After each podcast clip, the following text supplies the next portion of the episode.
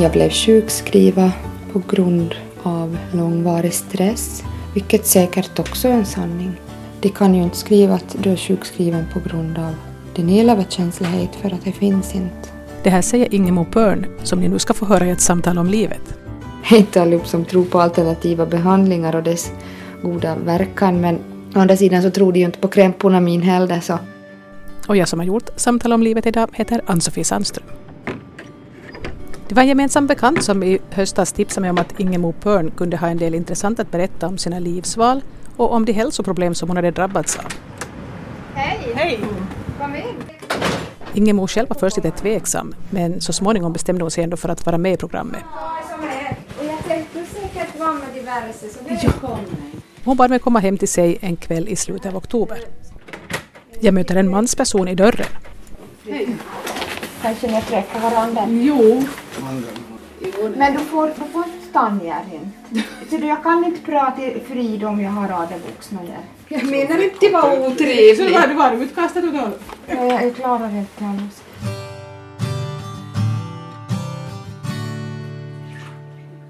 Innan vi börjar inspelningen på riktigt ber Ingemo mig stänga av min mobiltelefon. För hon är överkänslig för olika former av strålning. För mig börjar det med att, att det bränna i örat. Och det bränner sig bara bredd ut sig både snabbare i, i telefontiden och, och längre ner i kroppen. Börjar dra, dra djupare. Först var det bara ytligt i, i kinden och köttet och sen så börjar man känna i tänderna och i näsa tippi och läppi och så ner över hakan så småningom och ända ner i mellangärdet och man inser att det här funkar inte. Så jag plockade isär telefon så småningom och lagade i lådor. Där ligger än idag.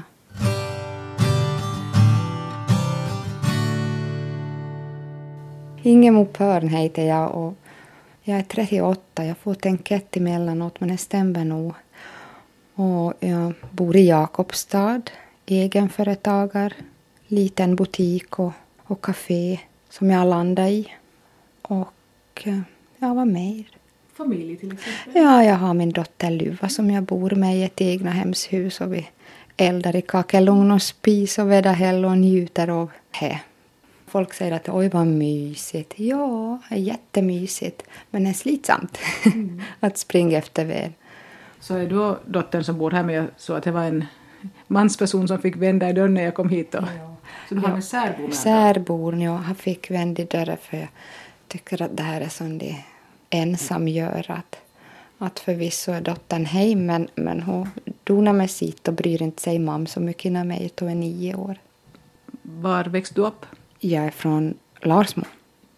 Men även i Larsmo så var jag Jakobstadbo för Remso där jag bodde så hörde till Jakobstad mitt inne i Larsmo så jag har alltid på något vis fått en särbehandling att inte jag varit Jeppesbo och inte jag varit Larsmobo utan ingenstans. Jag passar mig riktigt bra för då jag kunde vara båda. Jag frågade Ingemo hurdan hon var som barn. Nå, som bästa väninna i gymnasiet sa Ingemo, har du någon gång varit barn? Tydligen är jag nog lite lillgammal jämt, men, men tillika är jag väldigt barnslig. Men jag kan känna igen i, i min flicka att det kan komma till de lillgammal uttryck eller i en dag så vi funderar någonting och jag sa att men att kanske är så här i alla fall att tänk om. Hon nickade och sa mm, förvisso. så det är ju inte så det lite special val av ord och tyder kanske på en lillgammalhet som ensambarn i, i hennes fall. Men nu har hon fått en lillebror så hon är så lycklig. Hennes pappa och, och frun så de har, de har förärat värdemen till en pojk. Hurdan var då Ingemo när hon var i skolåldern? Jag tyckte skolan gick ganska bra, men eh, jag brukar skratta och säga att men jag hade nio i uppförande. Och med här, här, här tyder nog på någonting här för att jag, jag har inte varit dålig att uppföra mig eller något, utan det var på den här tiden och, och vem vet än i denna dag så fick man nog inte säga vad man tyckte. Man fick inte vara av annan åsikt. Så då fick jag nio. Och det nio är jag lite stolt över. Att det var när många flickorna på 80-talet som hade nio i uppförande. Men vad var du hade speciella åsikter om då? Jag minns inte vad det var, men jag minns i debatten med läraren och jag visste att det var inte bra. För att nu sa jag vad jag tyckte ur hjärtat och sa emot och man fick inte säga emot. Jag frågade Ingemo Pörn vad hon då tänkte att hon skulle bli när hon blev stor. Kock. Faktiskt så i högstadiet så var det kock. Men av, av olika hälsoskäl så passade inte riktigt då. Men jag prövar mina vingar nu istället. Och koka mat och, och grejer och donar och vi får väl se om, om jag om jag håller. Vilka hälsobesvär hade hon i tonåren? Närmast att jag hade en sån otrevlig fallenhet för migrän och stress och värme och luft i ett kök så trodde inte jag passade migräntypen. Så vad gjorde hon då sen efter högstadiet?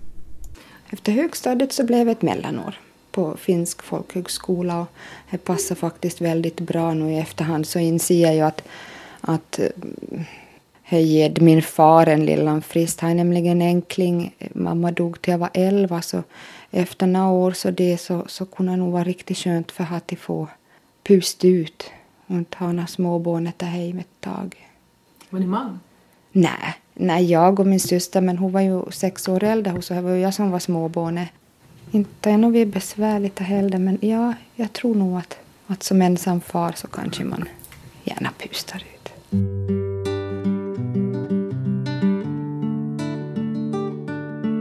Ingemo blev alltså utan mor när hon var 11 år gammal. Vad var det som hände? Jo, hon tyvärr strök mig i bröstcancer. Hon var, vart sjuk då jag var vid, vid fem års ålder.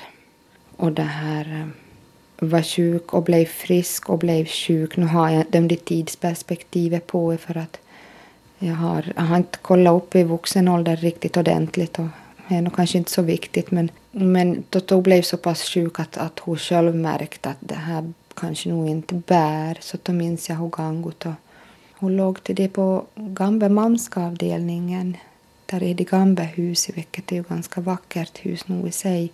Där är ett rum och så sa hon att ingen må att du vet att, att andra nog mista föräldrar sin också. Att, och så tog exempel på släktingar som har mistat pappa i, i tidig ålder.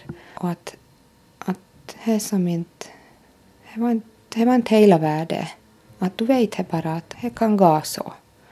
Och jag sa jo, jag vet.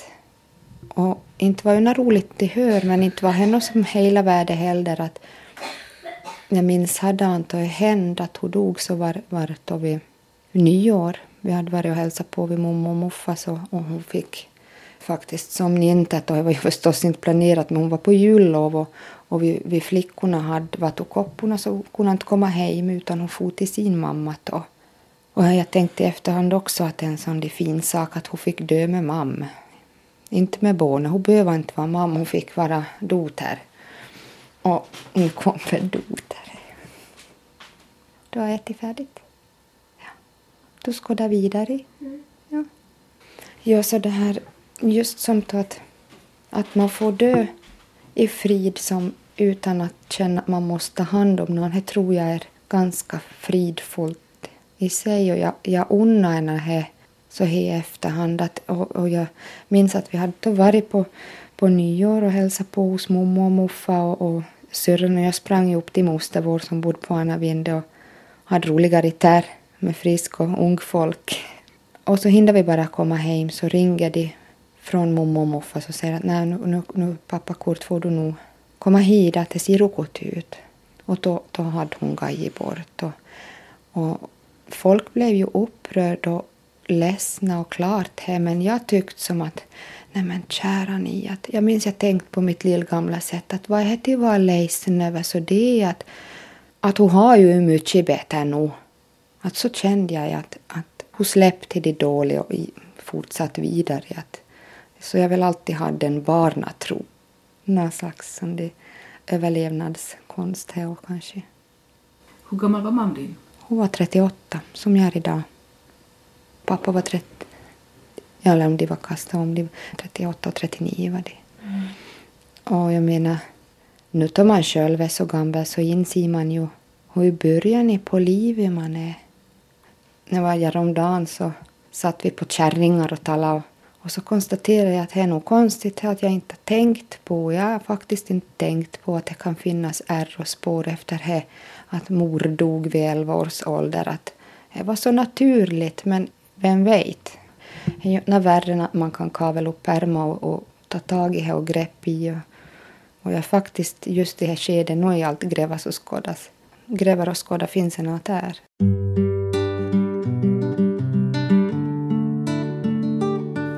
Innan vi kom in på det att Ingemo blev moderlös som 11-åring frågade jag henne vad hon gjorde efter högstadiet. Och hon berättade att hon for ett år till en finsk skola. Haapaveden opisto gick jag i ett, ett år. Var det för det finska eller var det för att... Det var för finskans skull nu. Och, och enkelt, det, hade blivit, det blev tradition då, i och med att syrran hade varit där sex år tidigare. Att det var inte hög, hög tröskel och stora steg till ta utan man pallrade sig iväg då. Och pappa arbetade inom järnvägen så på Hattin fick man åka gratis tåg som familjemedlem. Så jag pärtade nog av van. En var jag i Haapavesi och en var jag i Jakobstad och en så for jag till Helsingfors och höll på syrran som studerat där. Det var roliga, roliga år, inte roliga år, det var roliga år man fick. Man fick lite frihet, luft under vingar. Vad lärde sig Ingemo under det här året, förutom finska? Var lite i mattorna och snickaren en palla och finska så vet jag inte om jag lärt mig så mycket men nog tycks jag fastna någonting på vägar för nu märker jag att nu kommer det ganska otvunget. Hur pass rätt det blir det vet jag inte men inte tills vararna tog åt ännu så det har nog förstejit med. Och efter det här året, vad gjorde du då? Gymnasiet i tre år, tog studenten. Ganska raska år, inte vet jag om någonting till tillägg. Studier, studier och, och Luvas pappa kom in i bilden då där till vejvorna och vi hängde ihop länge, fick luva och då tog vi slut som så många gader och tyvärr så, så kan det gå men, men vi tog beslutet och, och luva pendla mellan oss nu mestadels är med mamma. Så hur länge var du med, med Luvas far? 15 plus år. Och ni började när du var i gymnasiet? Ja, jag var 17 och han var 18 och hängde med varandra länge, länge.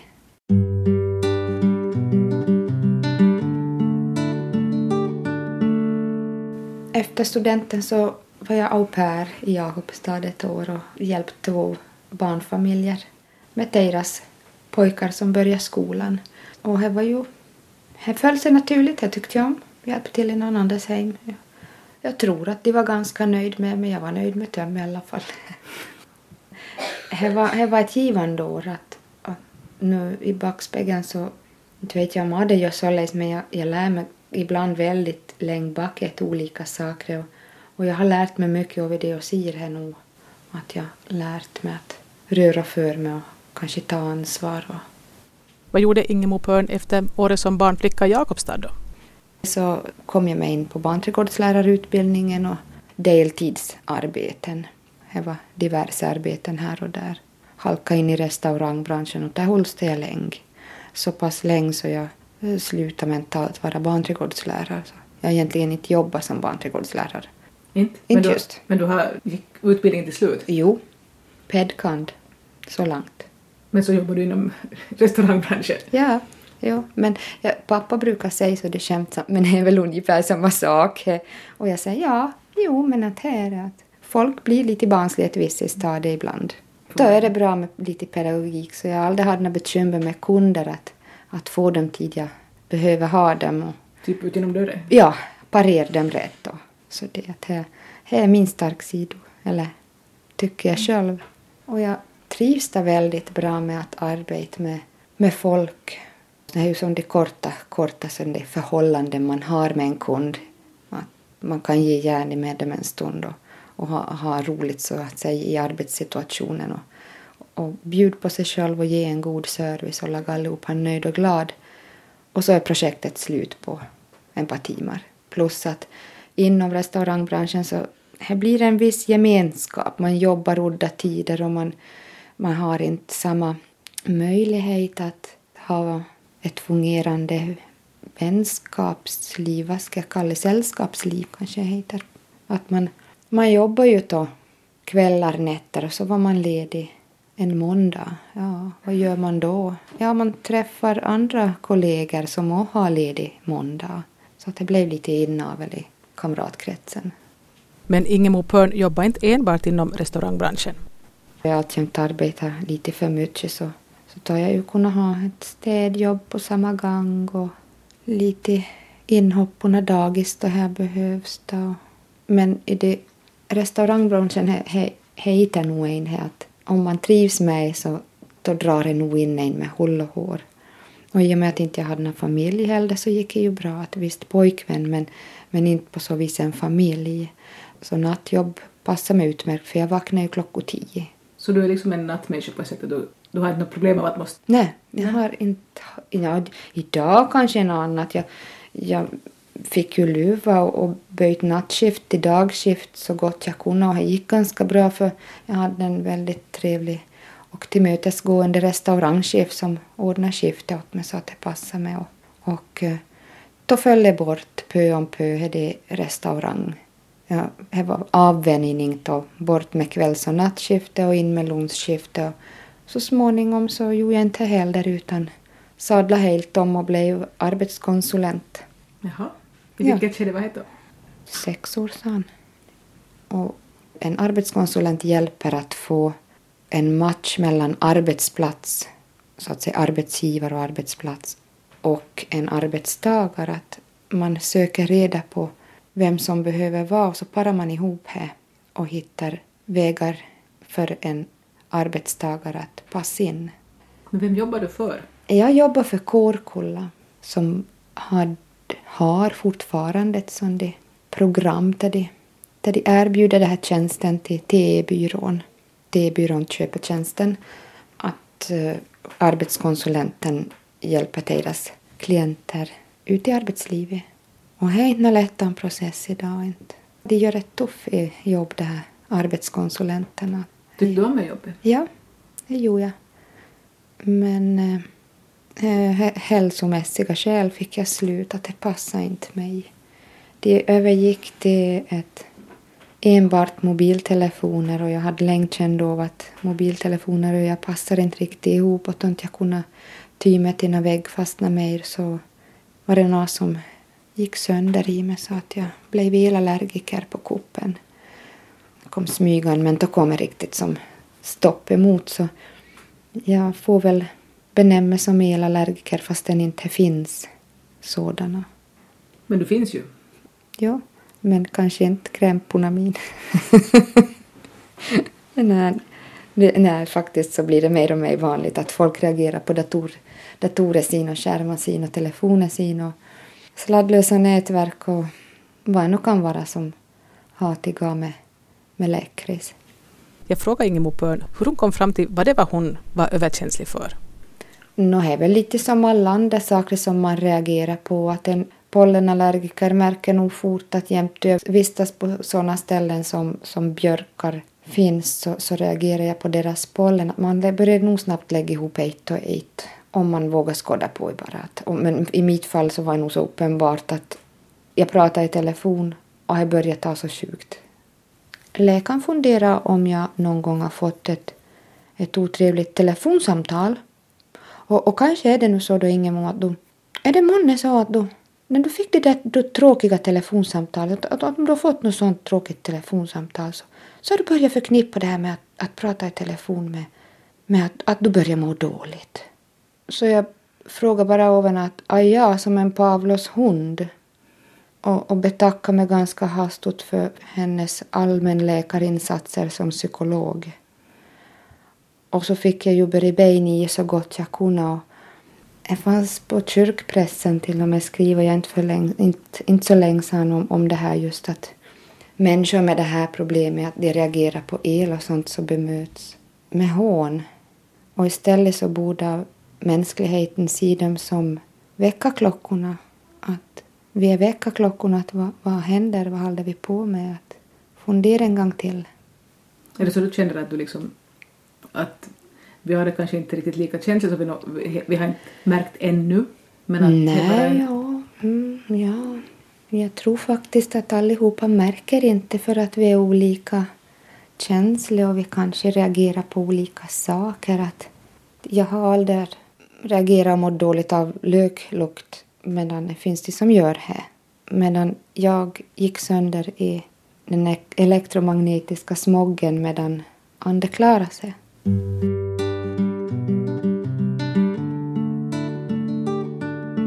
Jag blev sjukskriven på grund av långvarig stress, vilket säkert också är en sanning. Men de kan ju inte skriva att du är sjukskriven på grund av din elöverkänslighet för att det finns inte. Men de jobbar på eh, det. på behand till behandling någonstans, jag vet inte vann. För jag är egentligen inte så intresserad av, av sådana saker. Jag måste koncentrera mig på annat.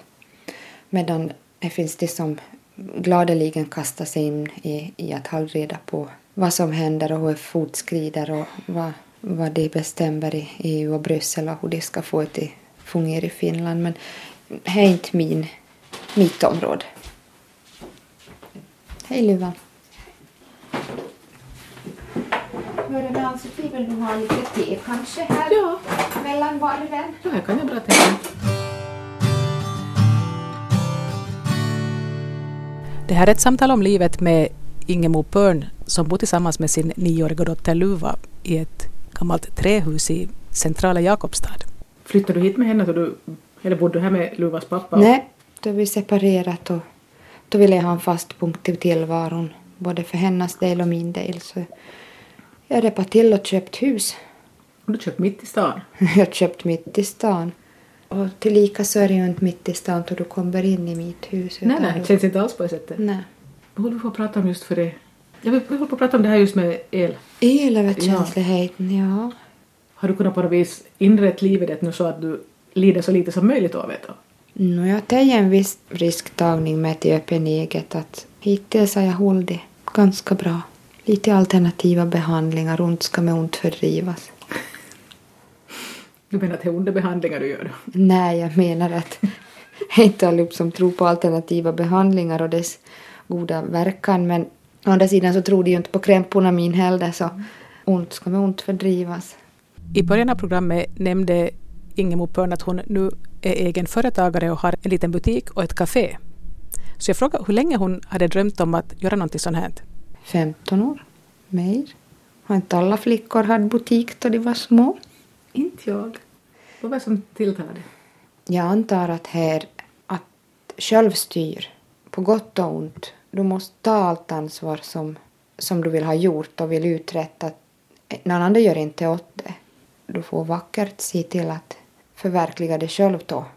Men här, allting blir mycket lättare och klarare då allting hänger på en, på mig. Jag vet att ska jag ha kaffe åt kunder min så ska jag laga mig tid och koka. Konceptet hade jag visst länge, hur jag ville ha det, hur jag ville utveckla det, vart det är på väg. Och här finns det lagra allting, det är bara att det liksom vänd blad efter blad. Jag, jag håller inte koll på vad som kommer på nästa blad men jag vet nog. Då jag vänder det så vet jag att ja, vad gör det nu? Men eh, här står stod och stampade på stället och, och allt tar sin tid som sagt. Och jag var kanske inte mogen och redo rent hälsomässigt heller. Utan jag föll på plats då jag hittade en, en annan dam som ville ha öppen eget. Hon hade öppnat redan men ville ha en ordentlig en lokal och en fast punkt. Och hur hon nu resonerade och hur jag nu resonerade så, så landade vi i lag i samma lokal. Så där i, i centrum så huserar Kruska butik och café och Mystikmagasinet och vi, vi sökt båda två nu och vi hittade tillsammans en lokal som passar oss både i smak och budget och det föll på plats. Du sa att du inte hade kunnat liksom av hälsoskäl tidigare var just du hade problem Ja. med det här överkänsligheten eller vad är Jo, överkänsligheten tar sig uttryck på många sätt men överlag så blir man väldigt tröjt. Det tar udden av en, man orkar inte. Man orkar inte koncentrera sig, man tappar vikt. Jag tar sjukt i kroppen, man får huvudvärk. Allt möjligt till det märkliga symptom som lite pendlat och beroende på vilken sorts strålning är frågan om. Nu börjar jag veta om här en, en mast eller en mobiltelefon eller ett trådlöst nätverk. Det tar sjukt på olika ställen i kroppen.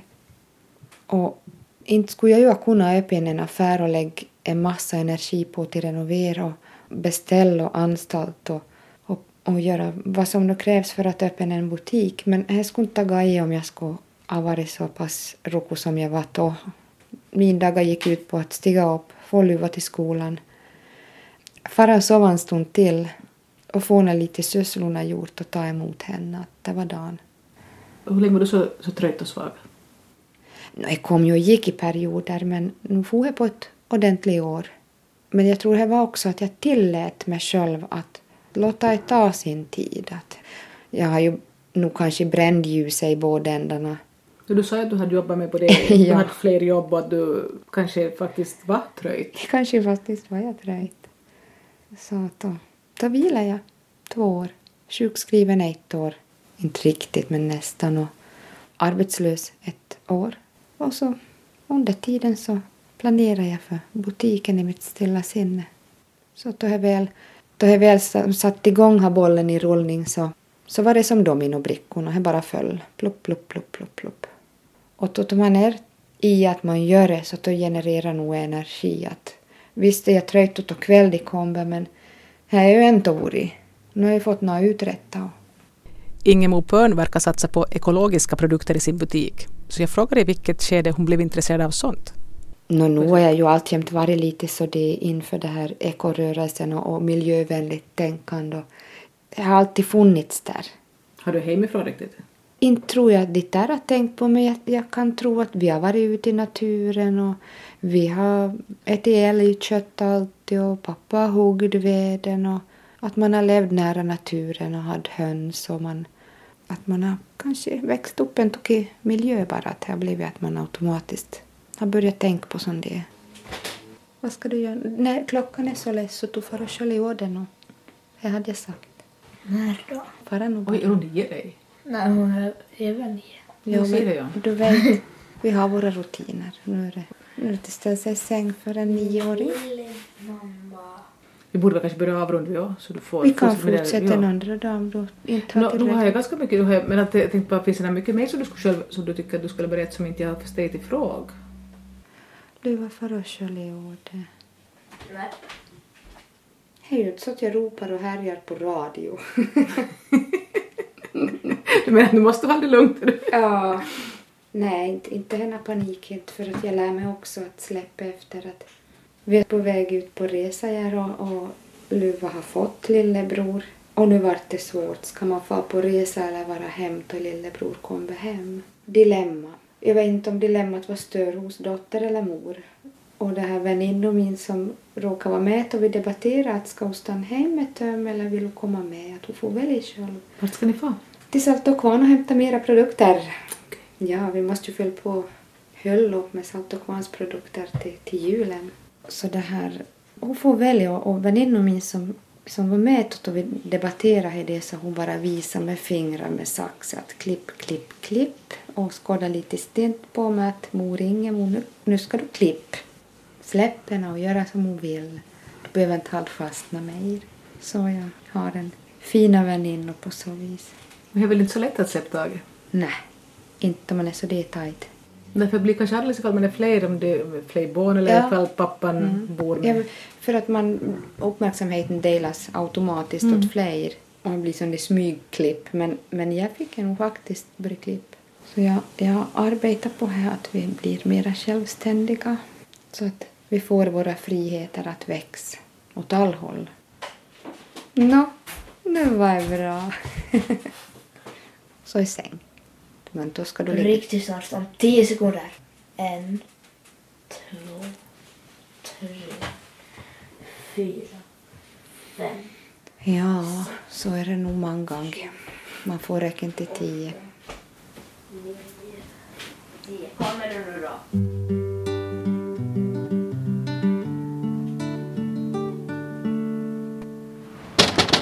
Några veckor senare besökte jag Ingemo Pörn på nytt. Kom igen! Sorry, jag är lite sen. Jag gör inte något, jag eldar i spisen. En förmiddag när hon var ledig. Jag hade träffat henne som hastigast i café och då berättade hon att det hade hänt någonting sen vi sågs första gången. Någonting som hon gärna ville att skulle komma med i programmet.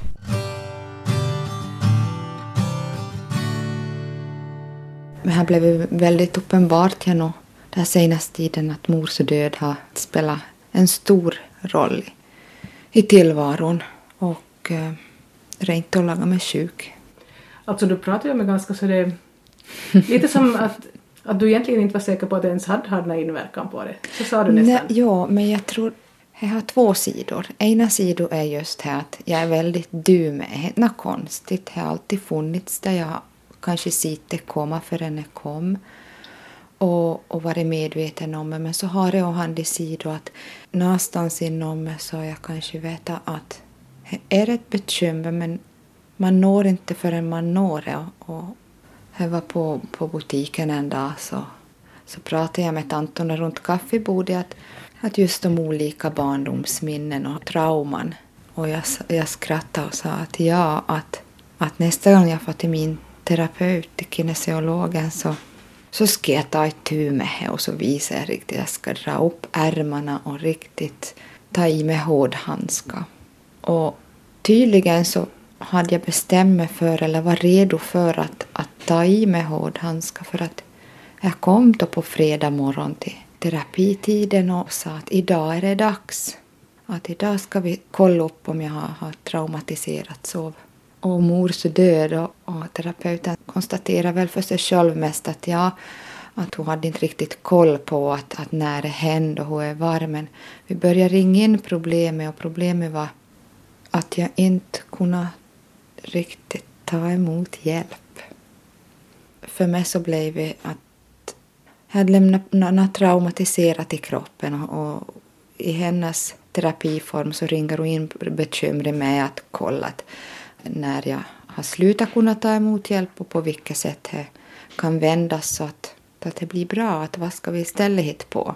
Och kolla med mig att, att var i kroppen sitter det här bekymret, att var har du det här cellminnet och det här bekymret? Och jag bara väser nästan fram att överallt, överallt. Att det känns det som att, att hela kroppen var traumatiserad och det var som det satt överallt. Det var en del av mig, helt klart en del av mig. Och i, i hennes stilla rum och man kan lugnt slappna av. Vi har en, en historia i lag nu redan för vi har inte, vi har inte några nya bekanta mer utan jag har med jämna mellanrum kommit tid att förtroendet var stort, att jag kunde slappna av och, och kolla också att nu, nu funderar vi kring sådant som chakran och meridianer och, och för vissa kan det kännas märkligt men inte, inte för oss. Så hon frågade i vilket chakra sitter det bekymret och jag sa att jag vet inte, jag tror i halsen. Att det brukar det alltid sitta något. Och, och kolla upp och konstaterat att, ja, det stämmer nog att vi, vi börjar på. Och så guidade hon mig fram i en sån där mental bild som jag annars har svårt att visualisera i mitt inre men jag har inga bekymmer. Jag hittade tvärt den gula lilla fågeln som sitter i bur i, i halsen min och eh, har fladdrat alldeles, alldeles upprörd ända tills jag kommer framåt och då sätter den gula fågeln ner på pinnsin och, och kokar lite. Kommer du nå? Kommer du verkligen nå? Kommer du nå? Att, oj, oj vad roligt, nej men oj, oj, oj, oj, att både det att vara roligt och vara skrämmande, att nu, nu har du uppmärksammat mig, att äntligen har du sett ditt trauma. Och terapeuten kollade med mig då att finns en haka på den här buren, kan du öppna? Och jag svarade, jag öppnar redan då hade jag öppnat redan och, och den här fågeln var lite så det ut och kika och jag såg alltid mitt inre och, och det här minnet, fågeln i den gula gestalten som kokar ut och, och har inte något bråttom.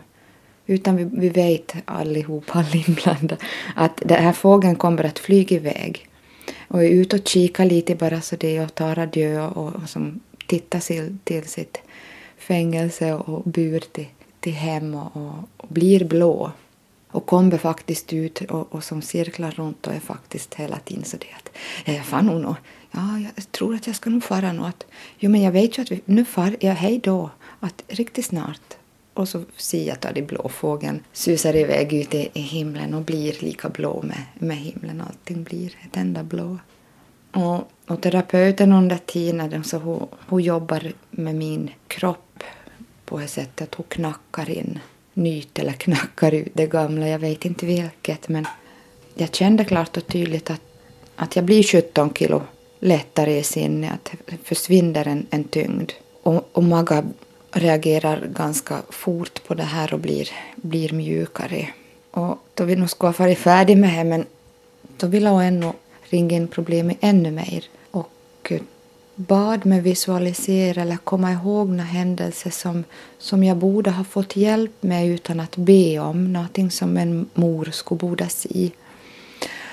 Och jag bara gråter fram småbyxorna. De småbyxorna som jag hade så dåligt med. ja, jag, då också så skrattar jag för jag inser till och med i terapisessionen så, så kan jag både som se på mig själv lite utifrån men också vara en del av det. Och hon frågar då att, att vad ska vi som göra, vad ska du göra för, för lilla Ingemon för att hon som ska få det bra? Att, vad kan du hjälpa henne med? Och så är jag så det högtidlig i mitt sinne och visar med båda händer att, att det ger får ett par små byxorna. Och så börjar jag nästan skratta igen och jag ser mig utifrån att vad sparsam du är. Att jag är så på nu bara. Så jag är så på måndag, tisdag, onsdag, torsdag, fredag, lördag, söndag byxorna. Nej men ta nu några extra och så tar du ett rödipa, ett gulipa och ett randigt och hittar och på så till sist så har jag gett den hela hög åt lilla Ingemo med småbyxorna. Och efter det här så, så kände jag ju klart och tydligt att här lättar kropp. Jag har fått bearbeta någon form av gammal sorg. Och terapeuten rafsar bland sina tester och, och, och är så spännande, alltid lika spännande, är så spännande, så spännande. Och så rafsar hon fram alla mina ämnen som jag har reagerat på och som har tagit ner min energinivå och gjort mig sjuk. Och konstaterar att ingenting finns med mig som jag reagerar på. Inga strålningar, inga mobiltelefoner, ingenting reagerar jag på. Att sjukdomsbilden fick ett abrupt slut. Härligt. Jag frågade Ingemo Pörn hur hon själv tolkar det här som hände henne. Så som jag ser det, och jag tror att det finns många som håller med mig, så är det att kroppen lagrar på olika trauman, minnen, vi kan kalla det vad som helst. Och då man gör det så går kroppen in i ett stressmode och lämnar på det att snart kommer Björn och ta det, snart kommer Björn och ta det. Så man är hela tiden på vakt och stressad ner på cellnivå. Så att cellerna sluter sig och inte när slaggprodukter riktigt vill komma ut och inte kan det ta riktigt in någon ny näring heller. Men om man får bort det traumapåslaget som stressar cellerna och stressar kroppen och, och läkningsprocessen blir lidande så, så släpper det ju ifrån sig dumheter och tar in nytt och friskt.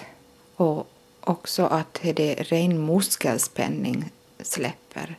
Så det har varit både en psykisk förändring och en fysisk förändring som har gjort att läktköttet fick, fick börja arbeta som ett skulle och verkan var omedelbar. Så det var ju lite skoj. Men vänta nu, det här var alltså då inte första gången Ingemo Pörn gick till just den här terapeuten? Så. Nej, det här var inte första gången. Att, att he, he, inget, inte quick fix. Det här har jag jobbat på i många, många, många år. Men på olika sätt tydligen? På olika sätt. Och nu kom jag så långt så att jag fick kroppen att slappna av och släppa stressen just för det. Att mor har dött och vad, vad nu här innebär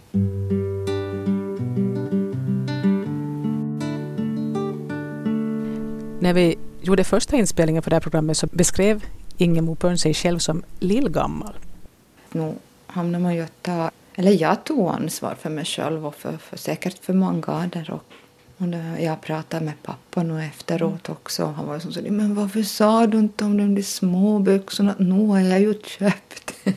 Och jag alltså, berätt, vad var grejen? Alltså, att du hade, du ja, hade, du hade inte trosor nej, nej, jag hade inte. Jag hade inte. Att på några vänster så nå som allt annat så slits. Om man är 11 år så kanske man inte har pengar få att köpa. Nej, eller, eller ens möjlighet att, att man kanske inte har så lätt att komma sig till affären eller ens tänker på vad göra åt att man inte har. Att, om man är 11 år och inte har levt livet så kanske man inte ens vet att man behöver fler. Man bara konstaterar att det är dåligt ställt.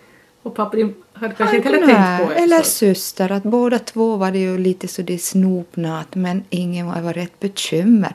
Men att nu så ser jag ju att klart och tydligt skulle jag kunna be om men, men jag gjorde inte för jag tänkte inte på. Jag tänkte inte på att man kan be om hjälp. Tror du någonting av det här har att göra med att du själv nu är i samma ålder som din mor var när hon, när hon dog? Att du nu först i det Ja. här skedet tar tag i? Ja, Sofie är en snygg iakttagelse, troligen. För jag minns syrran är sex år äldre och då hon var 39 så konstaterade hon att, att hon är förbi har tiden. Att nu är hon äldre än vad mamma blev. Men jag har inte medvetet tänkt på det. Utan mönstren finns där och, och är det bara att bejaka då kanske. Råkade sig bara att det var den här sortens terapi och terapeut som fick dig att Hon är fantastisk. Och att man är mottaglig för handiterapiformen. För jag tror också att var och en måste hitta sin egen sort av hjälp. Den terapiform som hjälpte Ingemo Pörn att ta tag i sin gamla obearbetade sorg, den hör till de så kallade alternativa behandlingsmetoderna. Hur man nu sen ska definiera det, men att åtminstone är det en terapiform som man inte erbjuds på varje hälsovårdscentral. Nej, det hittar jag inte. Men det hittar jag ju inte heller. Det är jag lejd av. nej, så att, Så att jag måste söka någon annanstans. och det här kallas alltså kine, vad sa du? Kinesiologi. Jag har inte kollat närmare på handiterapiformen. Jag, jag följer Maga Grubb och, och jag visste att det var något för mig. Hur har det här inverkat på din elöverkänslighet då? Jag kände nog av det, men, men kroppen får inte de bestående och långvariga menen på samma sätt. att Om jag utsätts för det så är det inte så kraftig reaktion. Plus att alla skador som jag åsamkar med bekymmer med levern och binjurarna och sköldkörteln och vem vet vad. Så nu kan jag börja leka. Hur skulle du säga att du mår idag? Lätt. Lätt. Jag kanske inte är överkänslig mig utan jag bara är känslig. Det återstår att se. Det här är ju väldigt färskt än och att kroppen möblerar ju sig fortfarande. Det här var något som funkar för mig men jag vill inte påstå att det funkar för nästa för vi är olika. Jag sa åt, åt en, en annan elöverkänslig att vi brukar prata om att skala löken, de här löklagren och ringarna. Att man tar bort ett lager så kommer ett nytt lager fram. Men sen Ingemo hittade kniven och högg rätt i mitten och tog upp och kokade vad finns inuti. Och du hittade. Jag hittade Och för det var en liten gul fågel. som blev blå. Jag ska få en tavla. Terapeuten tyckte att, att det skulle kunna vara bra att ha en minnestavla. Att om du målar en eller låter måla eller syr eller vad du nu tycker. Så den nuvarande utställerskan i Kroska Café, Alexandra Sandbäck, tog sig an hela, hela tavelhommarna och har, har lovat en, en tavla så vi ska se vad som kommer. Vänta med spänning. Det sa Ingemo Pörn i Jakobstad. Och jag som har gjort Samtal om livet den här gången heter Ann-Sofie Sandström.